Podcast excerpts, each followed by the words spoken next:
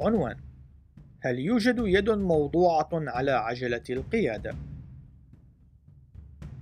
الآن وبعد أن أثبتنا أنه لا بد من وجود شيء أزلي وهو الشيء الذي يؤدي وظيفة المسبب الذي لا مسبب له لكل ما هو موجود فلنتأمل في الاختلاف بين الشيء الذي يقدمه الإلحاد والشيء الذي تقدمه ربوبية التوراتية.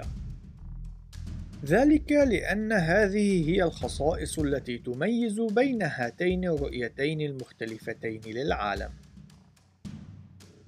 بداية من الربوبية التوراتية، إن الشيء الذي لطالما كان موجودًا هو إله متسام غير مخلوق كامل بصفات موصوفة في الكتاب المقدس صفات مثل الشخصية ووجود ذهن مفكر وإرادة عاملة وقدرة تستخدم لتنفيذ أغراض ومقاصد وامتلاك تفضيلات مثل السلوك الأخلاقي.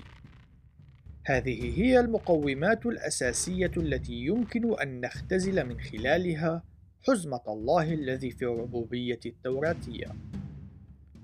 فيما عدا ذلك فإن الله سوف يكون نسخة مطابقة للطاقة العشوائية التي لا ذهن لها.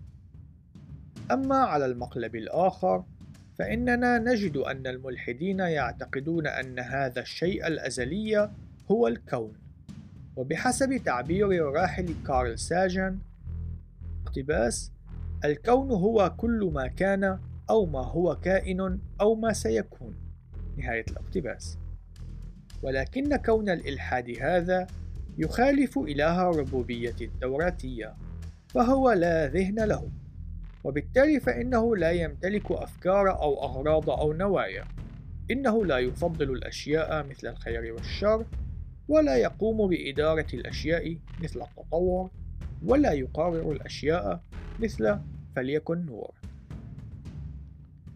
إن الكون بالنسبة للملحدين هو موجود فقط ويخضع إلى جميع ردود الفعل والتفاعلات المادية التي يسمح بها وجوده.